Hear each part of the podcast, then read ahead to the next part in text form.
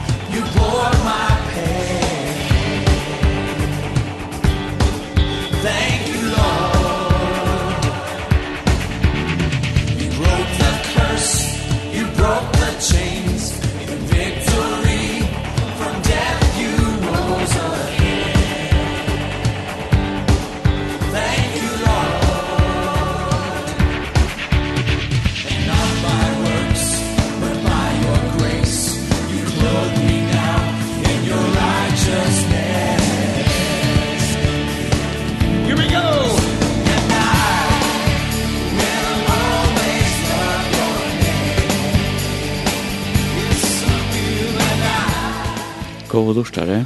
Vi gleder oss at vi er sammen med dere her. Tusen er til heima eller i Uttalanda og lort etter sendingen online. Vi underheter noen bøn og prat. Vi hjertet å komme til denne beinleis sending.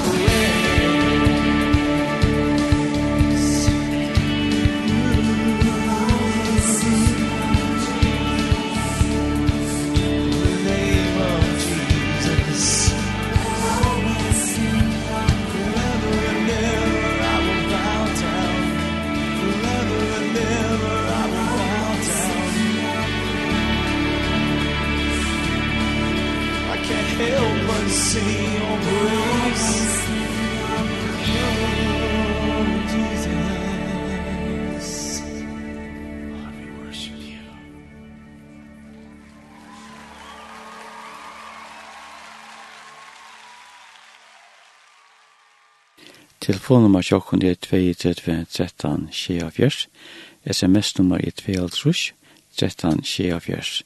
E-mailadressen linden, kuralinde.fo.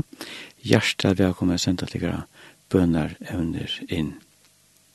Og i hesare sending fer vid er sendt et prat som Gerard Mikkelsen, prester, og i Fuglafyre heier vi Martin Bensen og av mannfolka vikeskiften i Nesvøk 2022. Opptøkene er fra Troboanon. På en dag vi kom av i det, eller kom her om det, så, for, så fortalte vi Marsten at uh, vi fører en gang, vi tar var et uh, hotak som øyder å komme, kan man säga, for skjønt som føringer. Og uh, øyne lærte vi han at uh, vi føringer er nok så lelig. Det er godt dømme på det. At vi uh, tilgjør oss støvna, og sankeren var kanskje enn bedre. Jeg heter Gerard, Jonsson Mikkelsen, og skal løye åpne i kjøkkenen hese løtå, sammen vi marsne om alle løtå, her for han bjør hun fram. Men åren til så hun til lykke å sette noen år av iveskriftene til åkken eh, i kveld. Ja.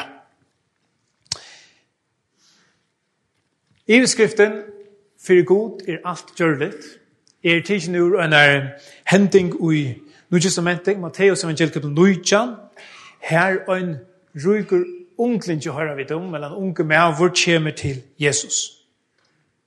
Mostare, hva skal jeg gjøre for at få ervet liv?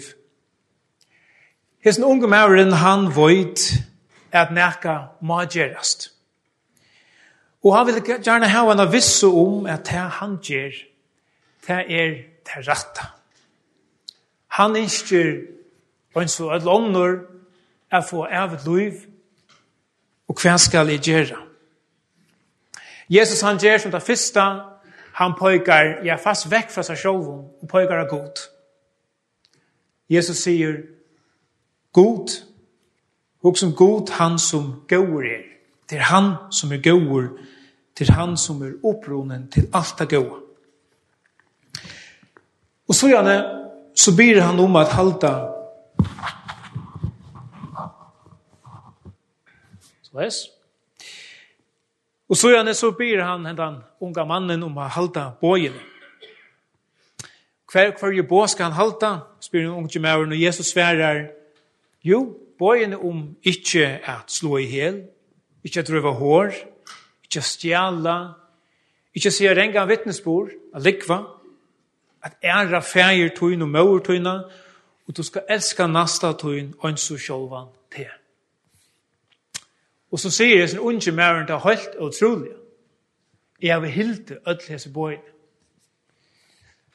Du skal sjá han ikke tåsa for tikkun, men tåsa for meg sjálvan at kanska er en kvid liggen færen her og her, vel ikke her for mengar, for nekvar, vi talde, men hesen unge mæren Han sier, jeg har hilt det, alt. Alt det her som du sier her, har vi hilt. Så kommer du av å være. Nå legger Jesus nekka træt, som ikke stender nekka erestes. Jesus sier vi han, Fær to og sel alla ogntuina og gjev tom fatakko og to skalt øya døyran grip i himle og kom så og fylg mer. Jesus er ikkje av i at hesen mævren skal lukka som liva opp til en, en rikva bov. Nei, det som Jesus fein vil, det er at avduka henda mannen. At avduka. Ta hesen mævren høyre hettar at han skal fære selja selge alle åkentøyene, åksynene og gjøre dem til, til djeva det til det fatakom. Så fer han syrkjen bostur, høyra vid. Nei, det er ikke bare som å si at det er vera rykur. Og kanskje i hesten døven så høyra vi nek om til at vera fatakom, ikke kunne rinda fyrir orskena og alt det som vi tar bruk fyrir, fyrir livet her på sala livet. Men Jesus gjør øyne varst vi at det helt ikke alltid lagt å være ryker er at han som hever i ivflå.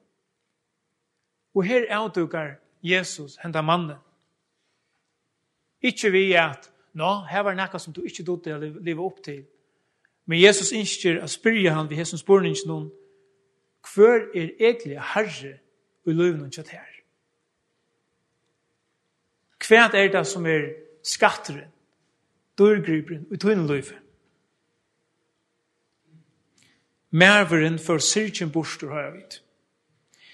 Tog har vært så opptidgen av ødlund tog han åtte, at han ikke var fører for å han mot måtte tog som han kunde få. Han var så opptidgen av ødlund tog som han åtte. Så hadde han ikke vært fører for å han mot. måtte. Og så hører vi Jesu kjente ord. Det er for å være torsførst til noen røy kunne komme inn i himmelrykket. Det er lettere til noen kameler slipper kjøkken og naler eier enn til noen røy kunne komme inn i Guds rykket.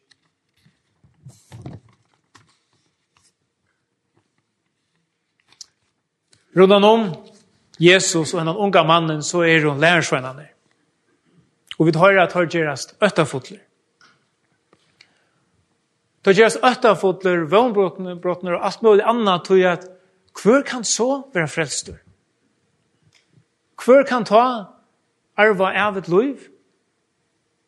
Hvis hesen unge mævren, som ikke bare var ryker, men hei livet opp til ødelse bøyene, hvis ikke han var frelstur, hvis ikke han hei oppebord av et liv, hver hei så? ta er det Jesus sier hese årene. Tja månen er hetta og gjørlet, men tja gode er alt gjørlet. Men tja gode er alt gjørlet. Hetta er evangeliet. Det er ikke en spurning om at vi nå gjør okken noen ekva omerk. Det så kunne vi få lot i løvnen tja gode. Nei, poenget er at ikke okkon så er det at få ikke bare løyve, men at få ervet løyve, og få alt det gode som Gud vil gjøre okkon, det er omøyligt. Det er omøyligt å leve opp til. Hvis det skal, hvis det snur som hva vi mekna, så er det omøyligt. Men det snur seg om at teker møte tog som best er mulig for gode. Nemlig at djeva okkon, at han vil djeva okkon evigt liv i Jesus Kristi. Skatteren, etla dørgryberen, er i himmelen tja gode, og vi får lot i hånden, til han vil det. Og ta løyer okkon vujar til hessa løtena som vi skulle heva nu, Her det ikke skal snikvas om til å være ryker, men kanskje mer om til at sleppa okkara egnu røynd om at etnast. Sleppa okkara egnu røynd om at megnast eller etnast som mennesker, som menn, som papar, hva er for katt vi den hava, hva vi arbeid vi den hava. A sleppa ötlen tog. Men det snur seg om at leta god, sleppa fram eit, tog fyrir honom er alt gjørligt. Og ta han slepper fram eit, så vera vi et ansvisen unge mævren eutugai. Og så er spurninger om om vi færa vi sorg, borste fra Jesus, etla vi sia, let okkon, vi let okkon eutuga, og leta god komma til. Tog fer nu at skifta iver i dangst. Hvis ikke vi det er så har vi bo med en person av min lov i Danmark. Så jeg tror vi fast nesten bedre av dansk, om vi sier, hvis vi kan se det så snart. Men om jeg tås og kjøtt, eller marsen gjør det, kunne det ikke lykke gjøre varslytta, og så skulle vi røyne enda takke det. Martin, nå slår jeg over i dansk. Jeg vil invitere deg opp Og kan vi ikke lige give ham en klap, en klapsalve? Nogen?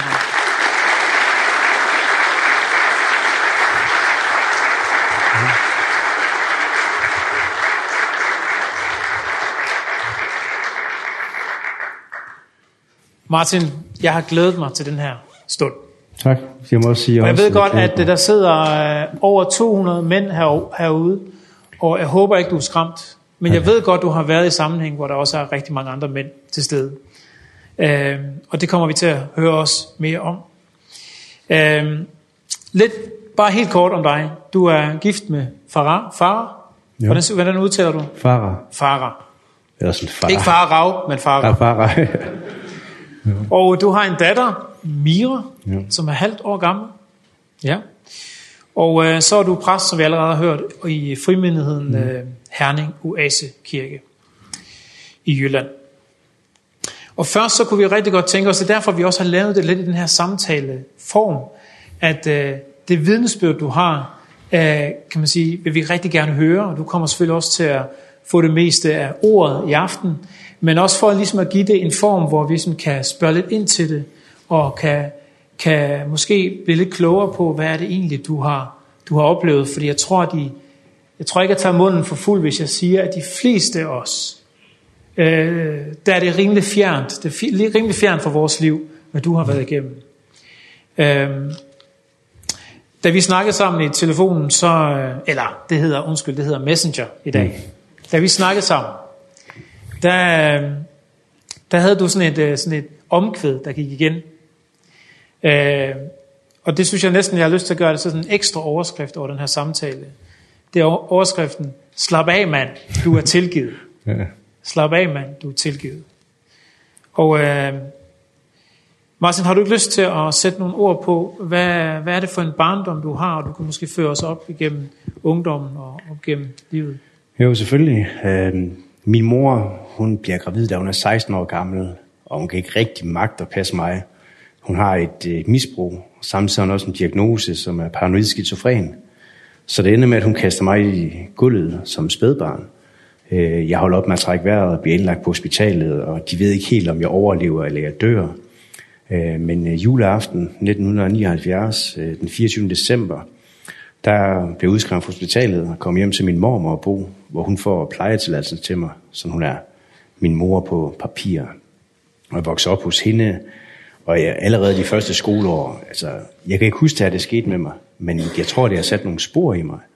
Fordi allerede da jeg voksede op, jeg har en voldsom uro inden i mig. Jeg føler mig forkert. Øh, Jeg har masser af kaotiske tanker, jeg kan ikke sidde stille. Og en af måderne, jeg får ro på, det er ved at sidde og klikke med en kuglepind, som andre mennesker bliver skøre at høre på. Eller sidde og svare lærerne igen og vipper på stolen og komme med dumme kommentarer. Og allerede der i de første par skoler føler jeg virkelig, at der er noget galt med mig. Øh, eksempelvis, jeg får at vide af læreren, jeg skal gå ned på biblioteket og hente nogle bøger eller materialer.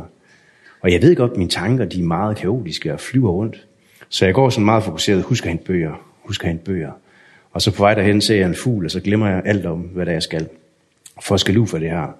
Og det samme foregår ved min mormor. Hun kan bede mig ind i stuen, der er måske 10 meter til køkkenet. Skat, gå ud og dæk bord. Og på vej derude går jeg også fokuseret for at huske det her, og glemmer det på vej derude, fordi jeg hører en lyd. Jeg bliver så samtidig udredt af en psykiater for en diagnose. Det hed DAMP dengang. Det er det, man i dag kalder for ADHD. Det forklarer måske lidt om den der sådan, måde, jeg var på. Men en af tingene, der er med til sådan at cementere den måde, som jeg ser mig selv på, og sådan min identitet, det er, da jeg går i 3. klasse. Min biologiske mor bor i en blok lige ved siden af min mormor, i så et socialt belastet boligområde. Og jeg vil gerne vide sådan lidt mit ophav, hvor man kommer fra. Så jeg besøger hende efter skole. Og der har jeg fundet hende fire gange, hvor hun har forsøgt at begå selvmord. Og jeg er jo, første gang jeg finder hende, går jeg jo helt i panik, fordi at hun er fuldstændig livløs. Og jeg ringer 000 til alarmcentralen og prøver på at snakke med dem, og græder fuldstændig ud af mig selv. Og jeg har så spurgt hende de fire gange her, hvorfor gør du det her? Og de tre gange, der siger hun til mig, at grunden til, at hun gjorde det, det var på grund af mig. Ikke sådan en yderligere forklaring. Ikke at det er, fordi hun har det dårligt med sig selv over, hvad hun har gjort, da jeg var barn. Eller. Den eneste svar, jeg får på det, det er, at hun gjorde det på grund af mig. Og det giver bare en følelse af en i tredje klasse, at hvorfor i alverden vil ens mor tage livet af sig selv på grund af mig? Altså, hvad er det, der er galt med mig? Jeg føler mig forkert. Jeg må være forkert. Der er ikke nogen, der kan elske mig. Jeg, jeg, ja, det er meget, hvad hedder det, meget skidt, kan man sige. Mm. Ehm, det ender med at blive som lyd 3. klasse. Der er ikke nogen folkeskoler i Aalborg. Det kan rumme og have mig, fordi at jeg er meget udadreagerende. Og så det sidste ender det med, at jeg går ikke i skole i 6 måneder. Så begynder jeg at gå i skole, fordi der er en regel om 10 timers undervisningspligt. Og så efter det sidder jeg i en klasse, hvor der kun er mig og to andre lærere. Og stadigvæk kan jeg ikke falde til ro. Jeg kan stadigvæk ikke sidde stille. Jeg er stadigvæk meget urolig og meget kaotisk i mine tanker. Så øh, jeg bliver smidt derfra og kommer på en lukket institution øh, da jeg er 10 år gammel. Og det er sådan, i Danmark, der er den kriminelle lavalder, den er 15 år.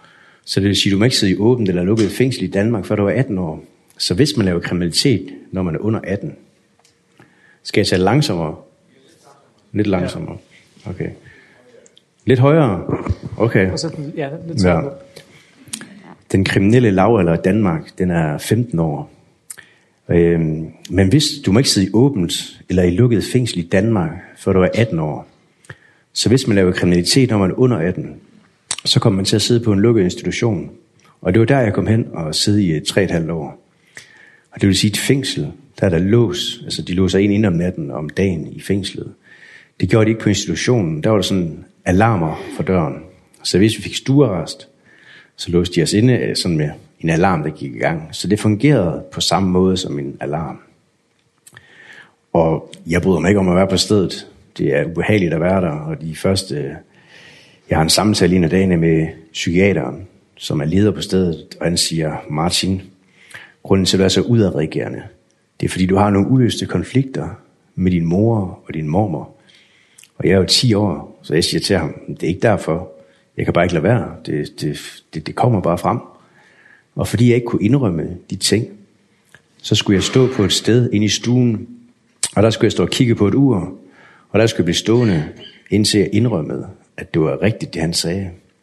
Så der begyndte jeg først virkelig at få sådan en antipati imod autoriteter og folk, der skulle bestemme over mig. Fordi jeg følte, at jeg havde stået der rigtig mange gange, sådan uberettiget. Øhm, der var også sådan to andre koncepter på institutionen. Der var det ene, det hed, tiden kunne gå i stå, Eller også så kunne tiden gå i sort.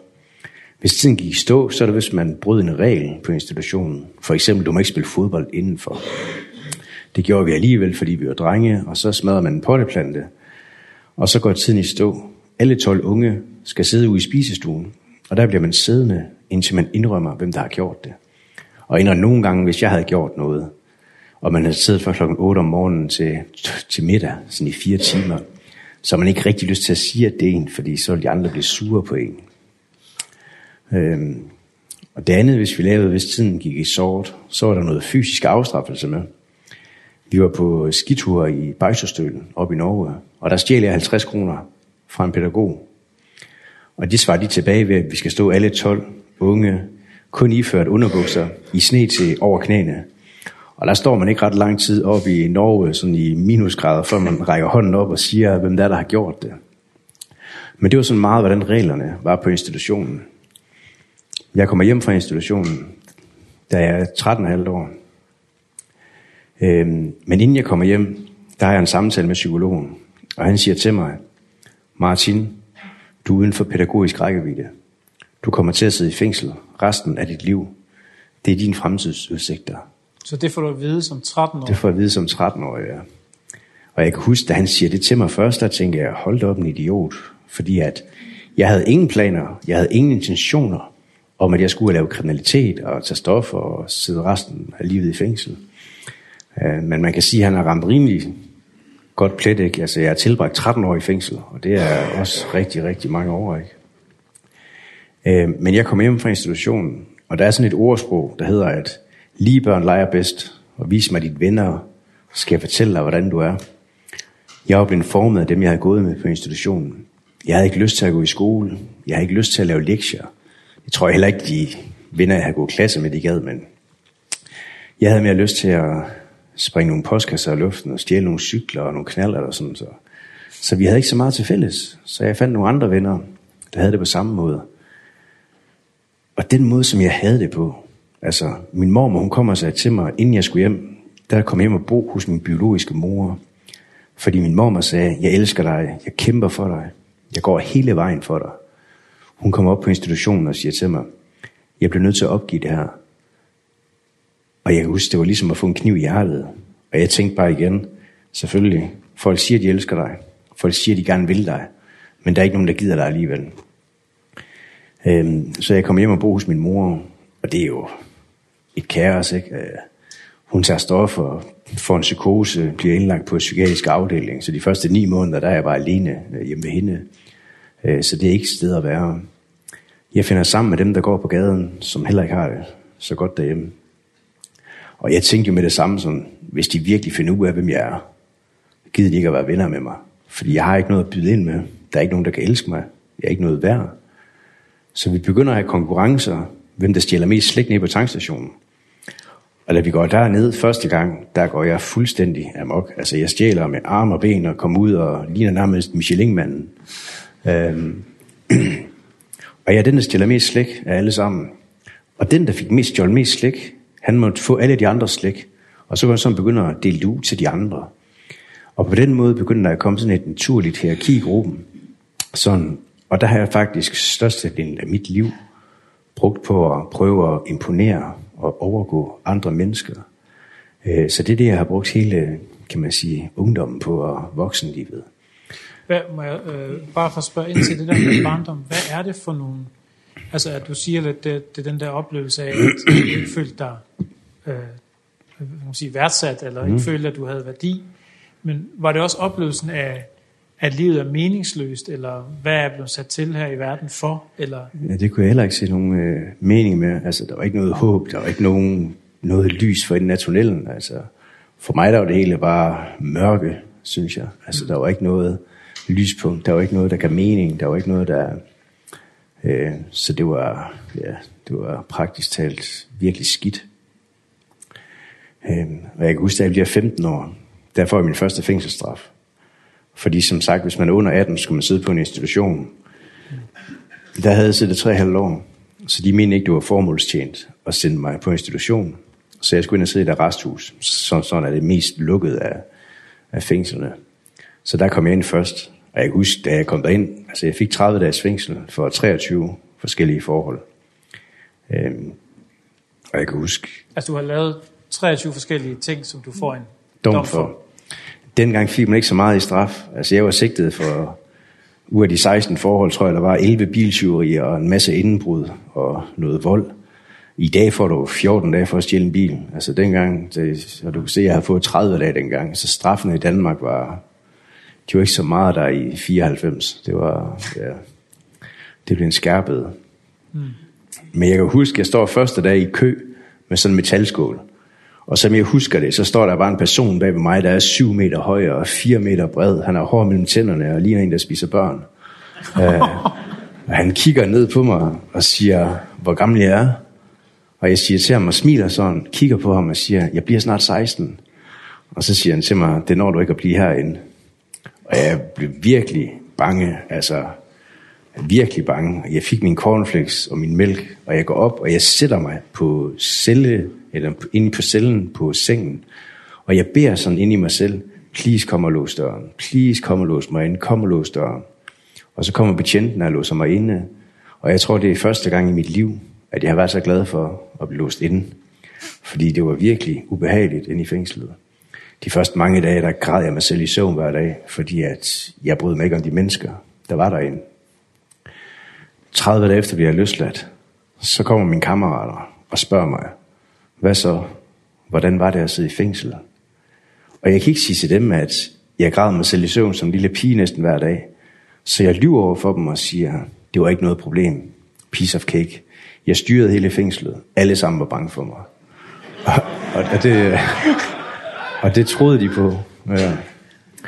Det troede mine venner på. Så hvis jeg ikke havde anerkendelse og respekt hos dem før, så fik jeg det her. Fordi jeg var den første, der var i fængsel, og jeg havde jeg styre det hele derinde. Selvom det var løgn. Så det var sådan uh, street credits, for at bruge det rigtig godt ja, dansk ord. ja, lige præcis, ja. ja. Så øhm, ja. Og så går det jo hele jo bare hånd i hånd. Altså, for flere og flere domme. Da jeg er 18 år, der er jeg siddet i fængsel fire gange. Og jeg kan huske, at det med at overgå alle andre mennesker. Der var en af mine venner, der holdt sig vågen i fire dage på amfetamin. Og det skulle jeg overgå. Så jeg sniffede amfetamin i syv dage i træk, hvor jeg ikke sover. Og det resulterer i, at det bliver dybt paranoid. Altså, jeg tror, der kravler soldater rundt ude i buske. Jeg kan lukke gas. Jeg tør ikke at sove med t-shirts. Fordi jeg tror, at folk vil bryde ind om natten og kvæle mig. Og er virkelig panisk. Og jeg kan huske, min bedste ven, de var flygtninge nede fra Iran. Og hans mor, hun havde en masse psykiske problemer fra flugten derfra. Og de ting, hun havde oplevet. Men der boede sådan en kristen dame på den vej, som vi boede på. Og hun var kendt lidt som sådan en tosse sådan i nærområdet, fordi at hun sang salmer ind i køkkenet, og hun inviterede børn indenfor og gav dem slik og fortalte dem om Jesus og Gud, og, og vi sad og tænkte, hun er skør. øhm, men min ven fortæller mig, at hans mor er begyndt at komme hjem ved hende, og han sagde, hun var begyndt at bede for hende, og han sagde, hun havde fået det bedre. Han sagde, det var ikke fordi hun var helbredt, at det var gået væk, men hun havde fået det bedre, hun havde fået mere ro på, og han siger til mig, prøv at gå ned og snakke med hende, Spørg om hun kan bede for dig, fordi så kan det være, at du får det bedre. Og der er jeg 18 år, og jeg troede på Gud i den forstand, at jeg troede på, at der var en Gud, der havde skabt det hele. Jeg vidste ikke noget med Jesus, og sådan, det, det kendte jeg ikke noget til. Jeg går ned og banker på. Jeg fortæller, hvordan jeg har det, og siger, vil du ikke bede for mig, så jeg får det bedre? Og så siger hun en sætning, jeg aldrig har hørt før. hun siger til mig, den eneste måde, du kan få det bedre på, det er, hvis du giver dit liv til Jesus. Og jeg tænker sådan, jeg har det virkelig dårligt, så jeg sagde, det vil jeg gerne, fordi jeg skal have det bedre. Øhm, så vi går ind til hende, jeg går ind til hende. Øh, hun beder for mig, og jeg beder sammen med hende. Og der, hvis man skal forklare det, jeg følte, jeg blev lettet. Sådan, den bedste måde at forklare det på, hvis man havde en rygsæk på skulderen, der var 10 kilo, så tog man den af. Jeg følte, jeg blev lettet. Og så tænkte jeg, så må jeg prøve at komme i en kirke og der var ikke rigtig så mange unge mennesker inde i kirken, og jeg havde sådan en idé af kristendom på det tidspunkt. Altså, jeg troede, at Gud det var sådan en sur gammel mand, der sad i en sky, og han havde så mange regler, som vi skulle overholde. Og jeg troede, at kristne mennesker, det er folk, der er perfekte, det er folk, der er hellige, folk, der ikke har nogen fejl og ikke oplever svære ting. Det var gode mennesker, hvor det hele bare kørte glat. Øh, og jeg havde også en idé om, at jeg havde siddet i fængsel fire gange, og jeg tænkte, hvis Gud engang kan acceptere kristne mennesker, Hvordan skal han så acceptere mig? Fordi jeg har overhovedet ikke balance i vægtskolen. Altså, jeg har lavet meget, mange dårlige ting. Mm. Så jeg tænkte, for at få balance i vægtskolen, så må jeg stå tidligere op om morgenen og tur løbe. Jeg må prøve at fortælle folk om Gud på gaden, og jeg tror, det er noget mærkeligt noget, jeg har fortalt dem. I dag tænker jeg tilbage på, at jeg har ikke engang vidst, altså, hvad ting var. Øh, så jeg tog med nødhjælpsorganisationer ud og rejse i Hviderusland, i Mogilev, Gomel og Minsk, for ligesom at nu skulle jeg gøre mig fortjent til Guds kærlighed. Og det var bare et stress, fordi hvornår var nok nogensinde nok, og jeg kunne slet ikke...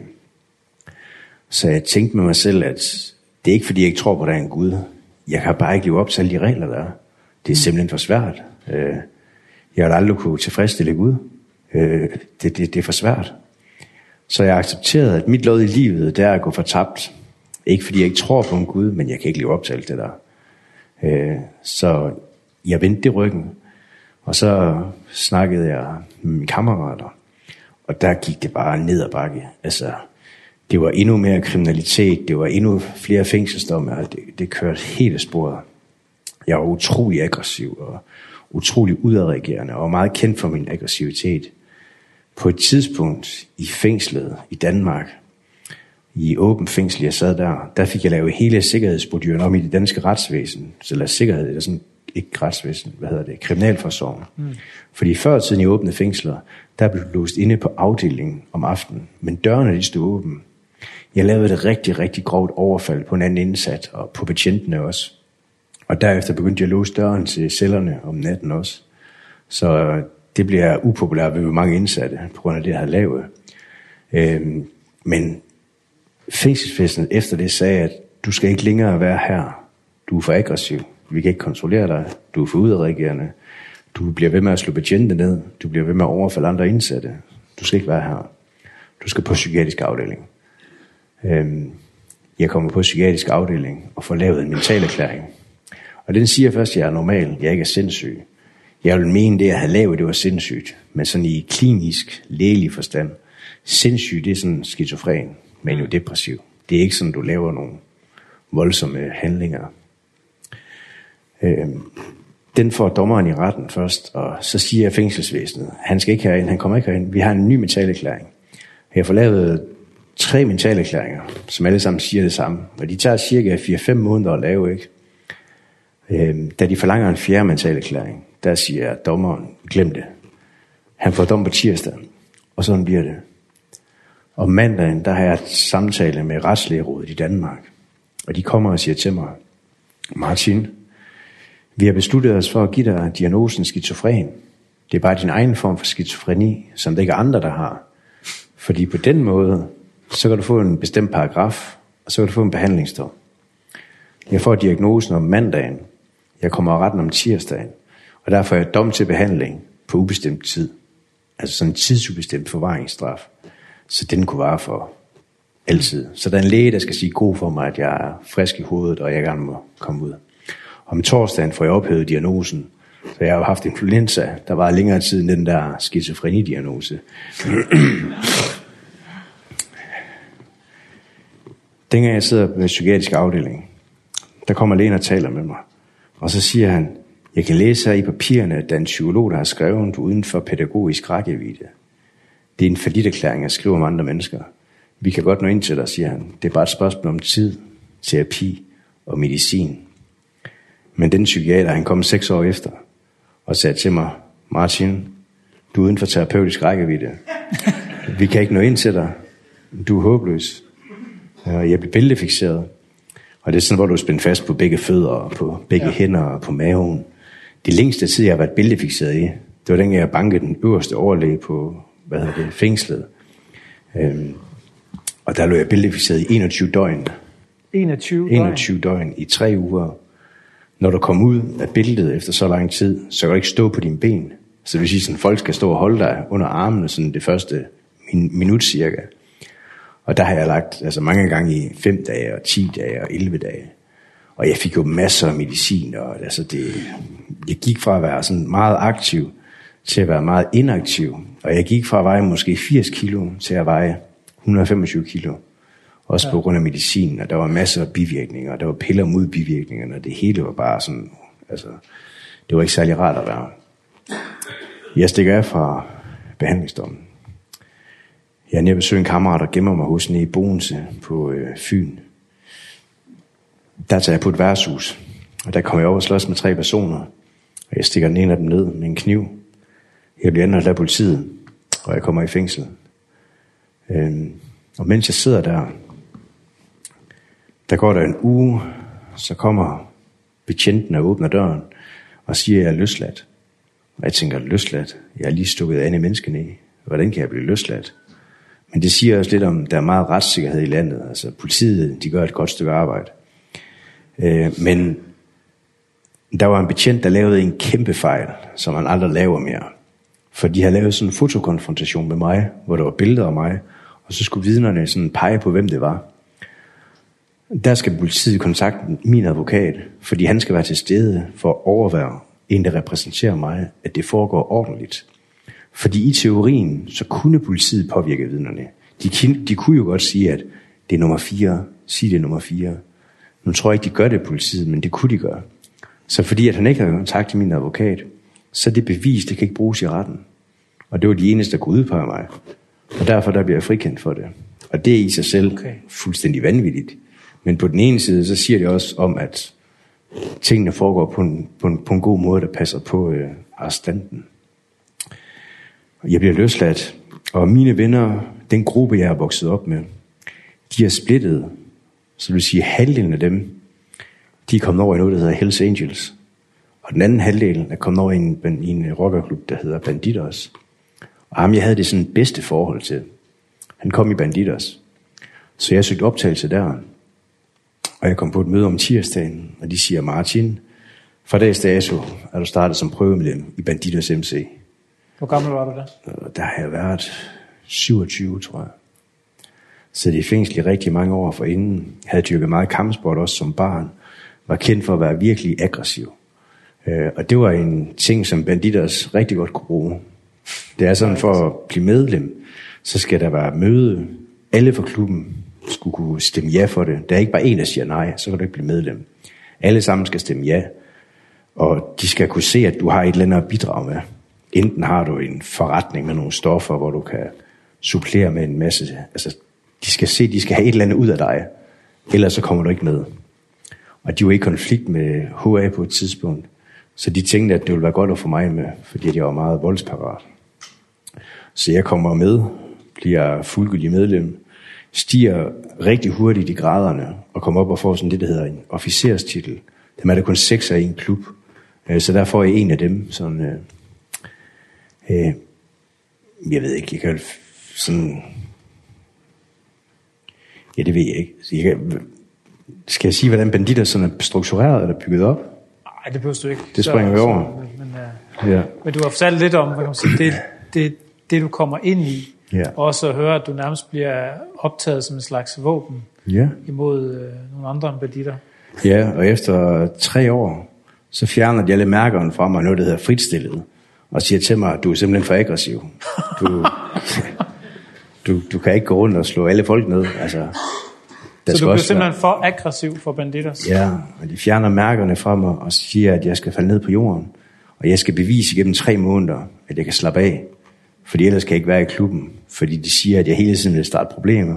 Og jeg hele tiden vil lave konflikter med andre og andre klubber. Fordi de, de er ikke så interesserede i, at der er krig sådan hele tiden. Fordi at det er også ubehageligt at gå rundt og blive skudt efter på gaden. Og sådan. Det er ikke så rart. Eh, så de vil gerne Måske have lidt mere ro på. Måske spørge lidt ind til det der med, hvad er det, der, hvad er det der er dit drive i alt det der? Hvorfor er det, du hele tiden opsøger, eller kan, kan du overhovedet sætte, kan du overhovedet, kan man sige, sætte ord på det? Hvad er det, der ja. gør, at du hele tiden opsøger den der konflikt og, og, og, og det at slå andre ned og, og, og jeg tror, jeg voldelige udfald? Jeg fandt ud af hurtigt, da jeg var barn, min aggressive adfærd. Det så alle mennesker som noget dårligt noget. Det var sådan noget, der trak folk væk fra mig. Og lige pludselig, da jeg kom ind i Banditas, så var det lige pludselig en styrke. Ja. Så alle de ting, som der var sådan iboende i mig, de gik lige pludselig ind og blev en god ting. Så var du lige pludselig noget? Så var jeg lige pludselig noget. Folk synes det var godt, det jeg gjorde, og det var rigtig en god måde, som jeg håndterede tingene på. Øhm, så alle de der fejl, jeg havde før, de gik lige pludselig ind og blev styrker. Eller gode sider af mig. Og det, det trivedes jeg i. Man kan sige, det er underligt, fordi i starten, da jeg begyndte at lave kriminalitet, ikke? Øh, altså, jeg har skudt efter folk, jeg har været sigtet for drabsforsøg, jeg har stukket folk ned, jeg har lavet rigtig, rigtig grov kriminalitet. Øhm, men der, hvor jeg har haft størst samvittighedskvaler, det var, hvor jeg stjal nogle penge fra min bedstefar, da jeg var 14 år. Og det virker måske sådan lidt, hvordan kan du sige det, når du har lavet så grove handlinger? Men det var fordi i starten, der man bare går i byen og begynder at slås. Man får så dårlig samvittighed over, at man slår denne menneske. Man ligger derhjemme om aftenen. Man kan ikke sove. Man ligger og græder. Og man er brudt ind hos folk, og man tænker, hvad laver du? Altså, det er andre mennesker. Øh, og dagen efter, når man ser sine venner, deres begejstrede blikke, hvordan de kommer og siger, åh, nej, hvor er du sej, og du er syg i hovedet, og du er cool, og får en masse skulderklap, så er det bare sådan, det vil jeg hellere have, end jeg vil gøre, hvad jeg følte, der var rigtigt. Og så en samvittighed, den bliver bare ikke eksisterende. Mm. Altså jeg tror, vi alle sammen har så et indre samvittighedsbarometer. Mm. Jeg ved ikke, om det er et ord, der findes, men sådan, første gang man træder ved siden af, man kan godt mærke, det er forkert. Men jo flere gange vi gør det, så er det som om computeren bliver nulstillet. Og så bliver det normalt. Næste gang man træder ved siden af, så kan man også godt mærke, det er forkert, det er ubehageligt. Men jo flere gange vi gør det, så bliver det nulstillet. Og hvis man tager sådan små skridt i mange år, så kom man rigtig langt væk fra det menneske, man troede, man var. Og det er sådan, det var at komme derhen. Altså, hvis jeg kunne komme tilbage til mig selv som 15-årig og sige, Martin, de næste 15 år, der vil du kunne retfærdiggøre de her de kriminelle handlinger. Du vil kunne se dig selv i øjnene og synes, du er sej. Så vil jeg sige til mig selv, du er syg i dit hoved, fordi aldrig nogensinde i min vildeste fantasi der tror jeg, at jeg var i stand til at komme derhen som menneske. Mm. Og det er det, der er mest skræmmende, synes jeg. Hvor langt man kommer væk fra det menneske, som man tror, man var. Dem var 13, 14, 15, 16 år. Ja. Og øh, du er så øh, for aggressiv at være med i Bandidos. Mm. Og hvad sker der så derefter? Jeg kommer i fængsel. Øhm, og det, det, det er surprise, surprise. Ja, surprise, surprise. Men det er faktisk første gang, jeg kommer i fængsel, hvor jeg ikke har gjort noget. Altså, okay. det, jeg tager faktisk skylden for en kammerat. Jeg har aldrig set min far, jeg ved ikke, hvem det er. Jeg kender hans navn, men sådan... Og min kammerat, han har lige fået en søn, som er tre måneder. Politiet laver rensagning hjemme ved ham. De finder våben og stoffer. Og jeg ved ikke, om det er dokumentarserier, jeg har set i de fængsler, men jeg har sådan en anden ryst ind i hovedet, der siger, at de første par år, det er godt, at et barn har begge forældre. Og jeg havde ikke set min far. Så jeg siger til min kammerat, øh, hvor meget drejer det her så om? Og så fortæller han, hvad han har til at ligge. Og så regner vi hurtigt på det, og kan se, det giver måske mellem to og tre års fængsel, det her. Og så siger jeg til ham, bare kør mig ud til dig, hvor du bor, sæt mig af. Jeg tager ind, siger til politiet, det er mit det her, du ikke kender noget til det. Det er mig, der har lagt det her. Men så skal du også love mig, at du flytter væk fra Aalborg. Du tager dig din søn, og du bliver en far for ham. Og han siger, mener du det? Jeg siger, ja, det gør jeg. Men så skal du også love mig, at du ikke kommer i fængsel. Og så siger han, hvis du gør det her for mig, så garanterer jeg dig for, at så flytter jeg til et andet sted. Og, og han har flyttet til København, og han har holdt sit ord. Og han har seks børn i dag, så han har, ja, så han har hygget sig siden. Øhm, øh, det er derfor, jeg kom ind i fængsel. Og jeg er træt af mit liv derinde. Altså, det er... Der er noget, der hedder Exit-programmet. Så et bande-exit-program at man kan være med i, hvis man er med i en bande, så er de slet en skæld til det offentlige. De vil sørge for bedre afsoningsforhold, og sådan gør, ens, gør det bedre for en. Jeg tager kontakt til dem, og de kommer efter nogle måneder og taler med mig og siger, Martin, du kan ikke være i det program her.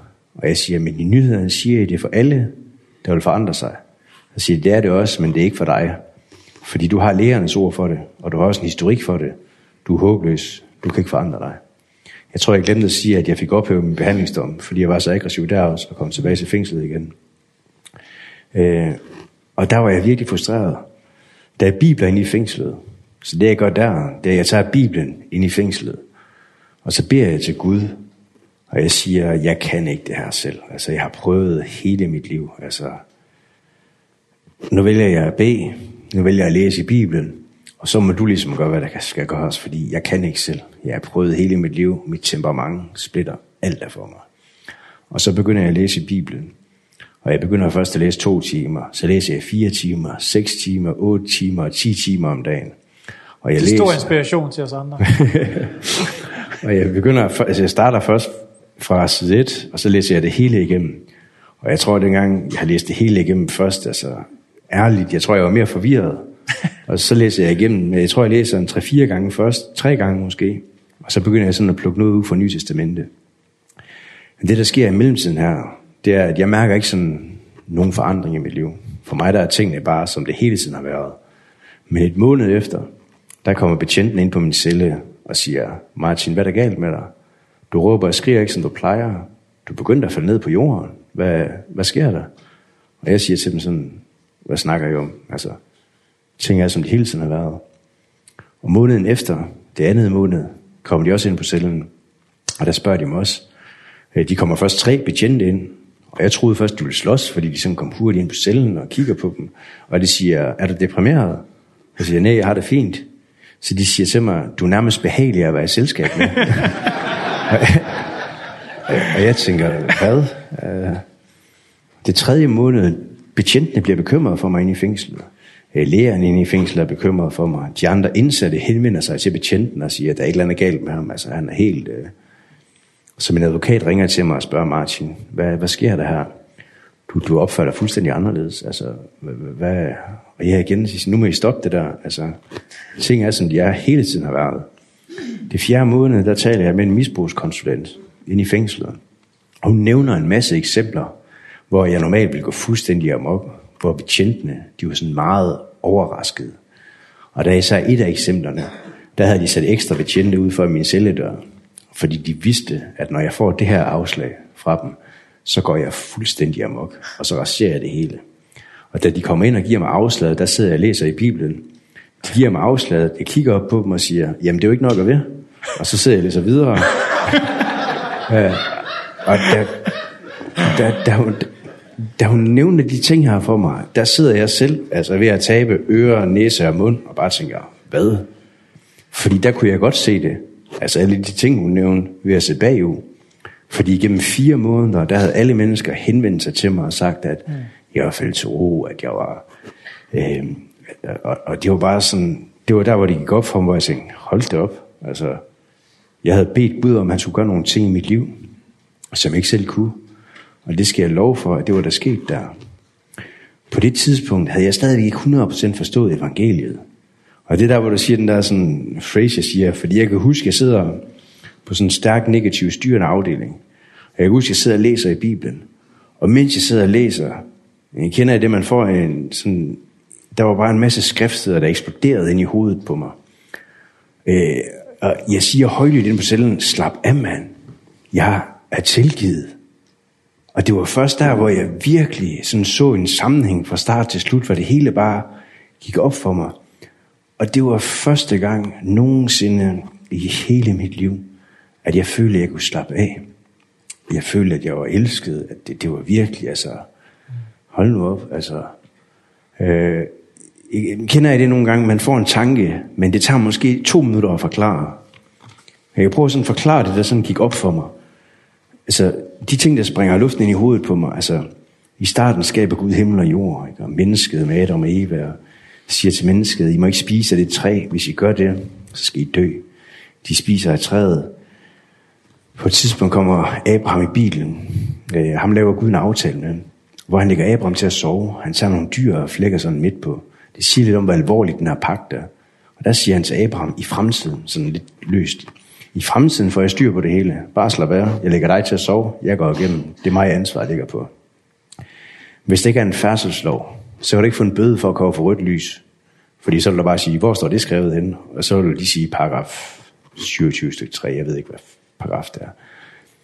Der går de der 430 år, så kommer Moses med de 10 bud. At du må ikke lyve og i hvert fald vidne falsk, medmindre man er politiker. Nej, det passer ikke.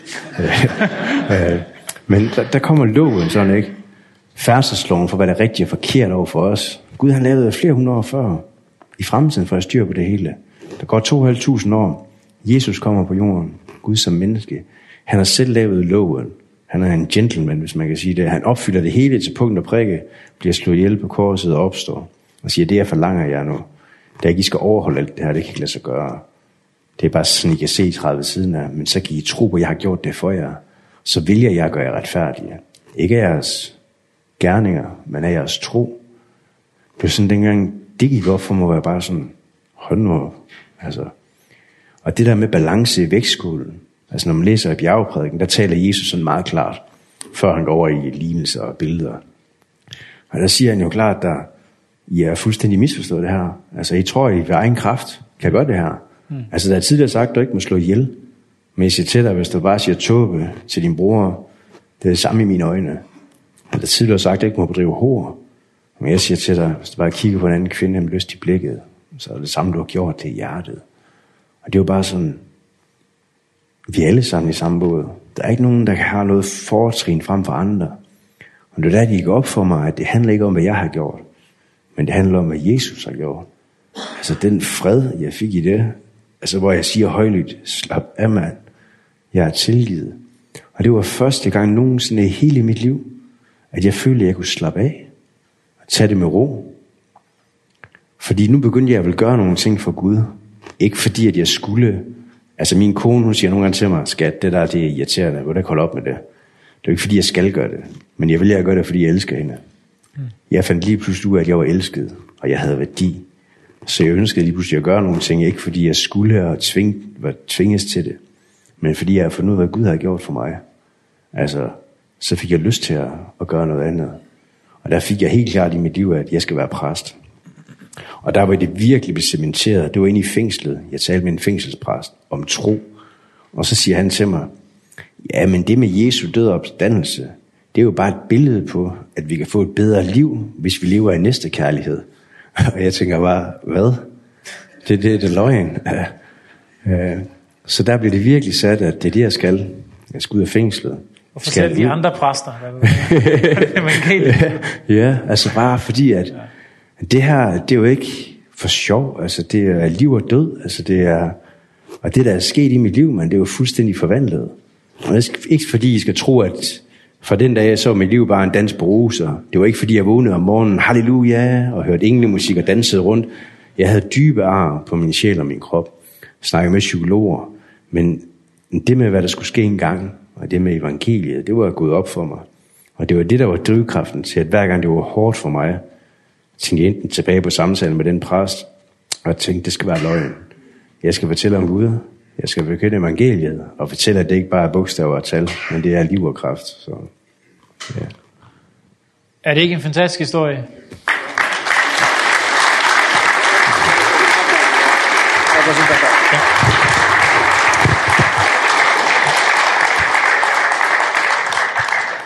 Martin, øh, jeg ser, jeg prøver ligesom at, at, at få det der blik for mig, hvor du kigger op og siger, det er der ikke noget at gøre ved.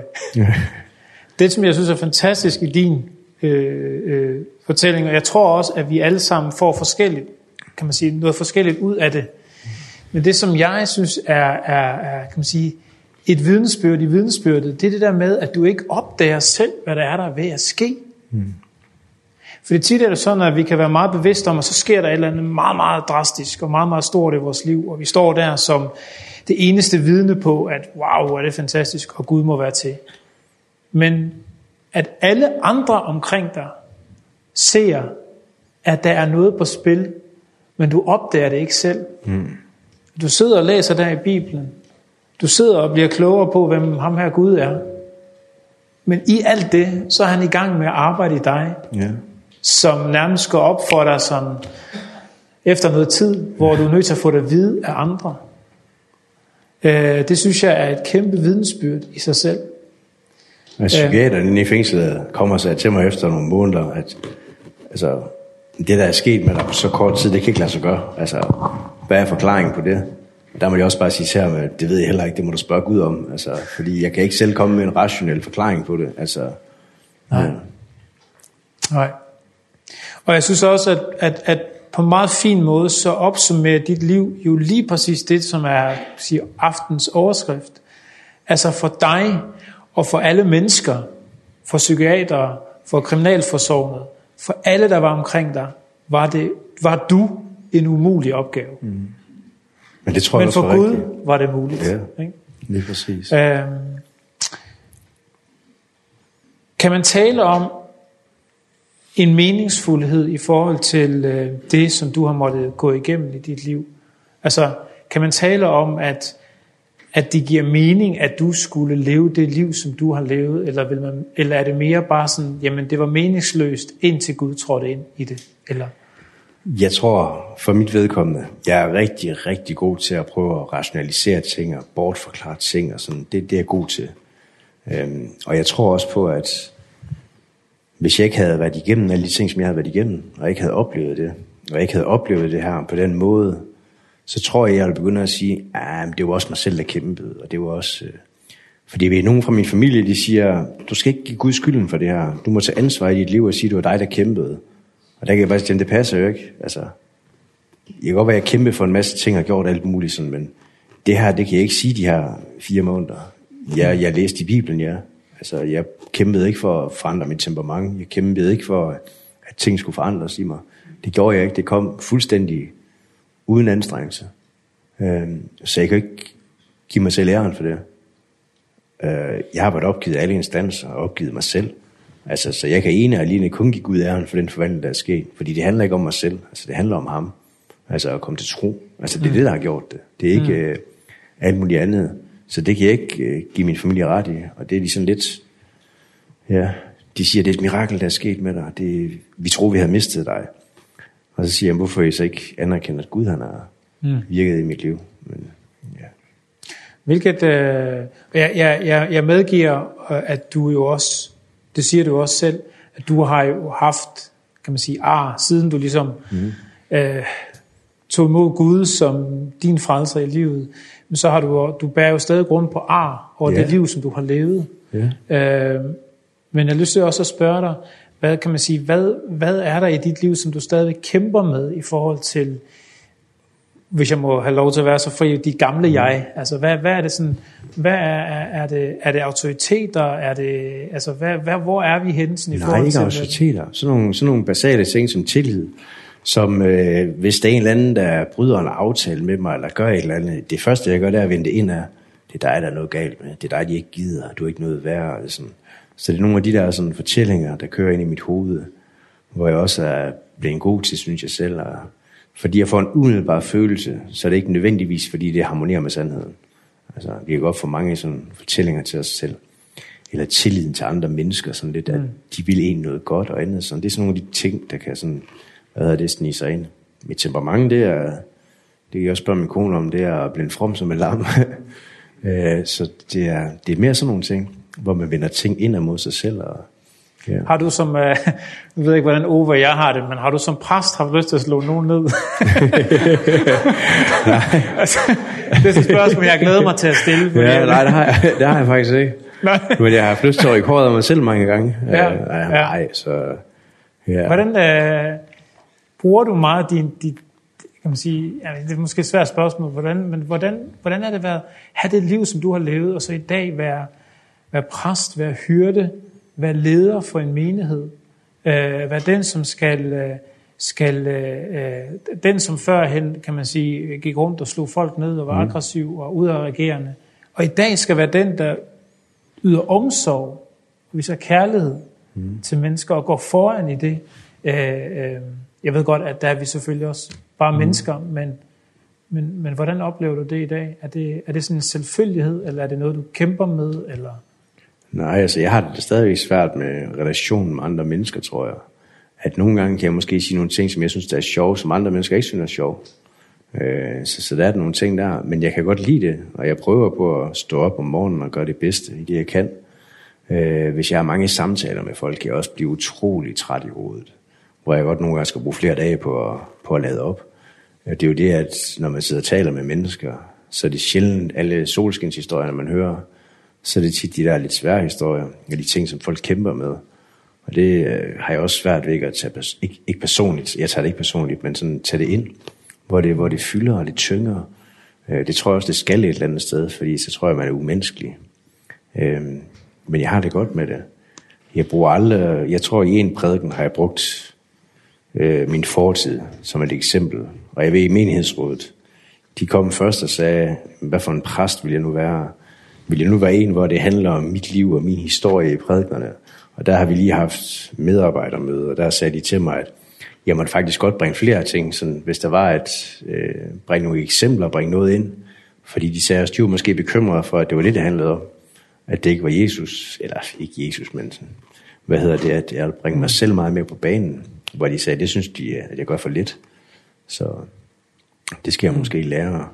Så, ja. Øhm, du, øh, også for ligesom at tage nogle af de sådan meget store begivenheder i dit liv ind. Vi hørte selvfølgelig det der med, at du begynder at læse Bibelen, du bliver kan man sige, at Jesus begynder at fylde noget af dit liv, og du tager beslutninger om, at du skal være præst. Men så sker der også det, at du bliver, bliver gift senere hen. Ja. Og i samtalen, uden at sige for meget, Martin, så sagde du, at din, at din kone var lidt betænkelig ved. Ja. og skulle giftes med det. Betænkelig. Med dig. Men det var mere, at hun havde hørt min historie og sagt, nej, hvor godt, og Gud er god, og ja. så var det, vi skulle til at begynde at date, og så var det sådan lidt mere, ja, men har Gud nu virkelig forandret nogle ting i dit liv? Hvis du har været så aggressiv og så udadreagerende, hvad så, hvis vi lige pludselig kommer ind i skænderi? Vil du slå mig? Eller så sagde det lige pludselig nogle helt andre ting der. Så, øh, Ja. Vi startede de første tre måneder med at gå Caminoen, så en rejse hen over pionerne i Sydfrankrig og hele vejen igennem Spanien, 1000 km på fod. Fordi der ser man hinanden træt, irriteret og presset. Og... Så vi tænkte, det var måske en god måde at lade hinanden at kende på. Det var det også. Og der blev hun ikke slået ned? Nej, det gjorde og... hun ikke. og vi, vi jokede ja. lidt med det, at ind, så tager vi hver vores fly hjem og snakker ikke sammen mere, eller også skal det her nok holde. Ja. Og det ser det ud til, at det har holdt, ikke? Vi har været sammen ja. i seks år, ikke? Og været gift i tre år, og har et lille barn, så to år gift. Ja. Fantastisk. Martin, jeg synes, det har været en øh, berigelse at høre din historie. Og jeg ved jo godt, at for de fleste af os, der sidder herinde, som jeg også indledte med at sige, så er din historie jo også, kan man sige, uden, uden at, at, at, at overdrive, kan man sige, en, en ekstrem historie om, hvordan, hvordan man kan være helt ude i tågen i livet, og hvordan man kan opleve mm. øh, at være, kan man sige, ja, opgivet af alle mm. omkring en, men også oplevelsen af meningsløshed og tomhed i livet.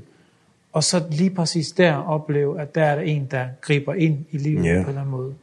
Og det synes jeg er en fantastisk fortælling. Og det kan man sige, der er det også, kan man, vores opgave jo også ikke er, ikke er ligesom at sige, Nå, men nu skal vi så prøve ud og prøve at få os en lignende historie, men, men spejle os i det der med, at for Gud er alting muligt. Ja.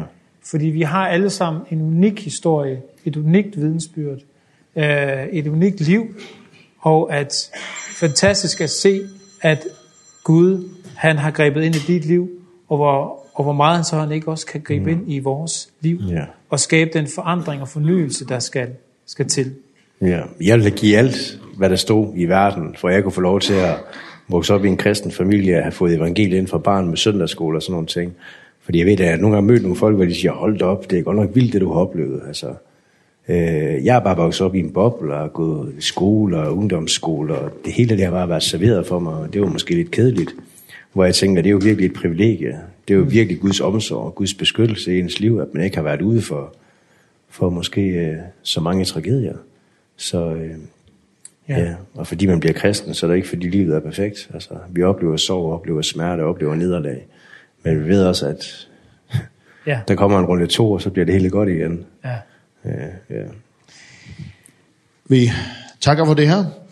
Vi har hørt et prat som Gera Mikkelsen, prester i Foklafyrre, heie vi Martin Bensen og mannfakka vikeskiften i Nesvog i 2022. Opptøkene er fra Troboanen. Vi er kommet til enden av hessare sending. Vi er til hjertelig for at du har lurt etter sendingen. Sending vi enda sen månadagen, cirka klokkan 13.20, en nytt sending vi nu komande høstet.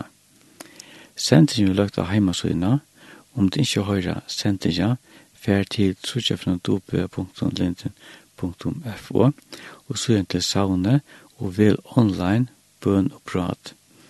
Vi ikke initiater og tøynon, godsrøyke sikning framiver, hevda så hjertans godt all sommer. Here I am.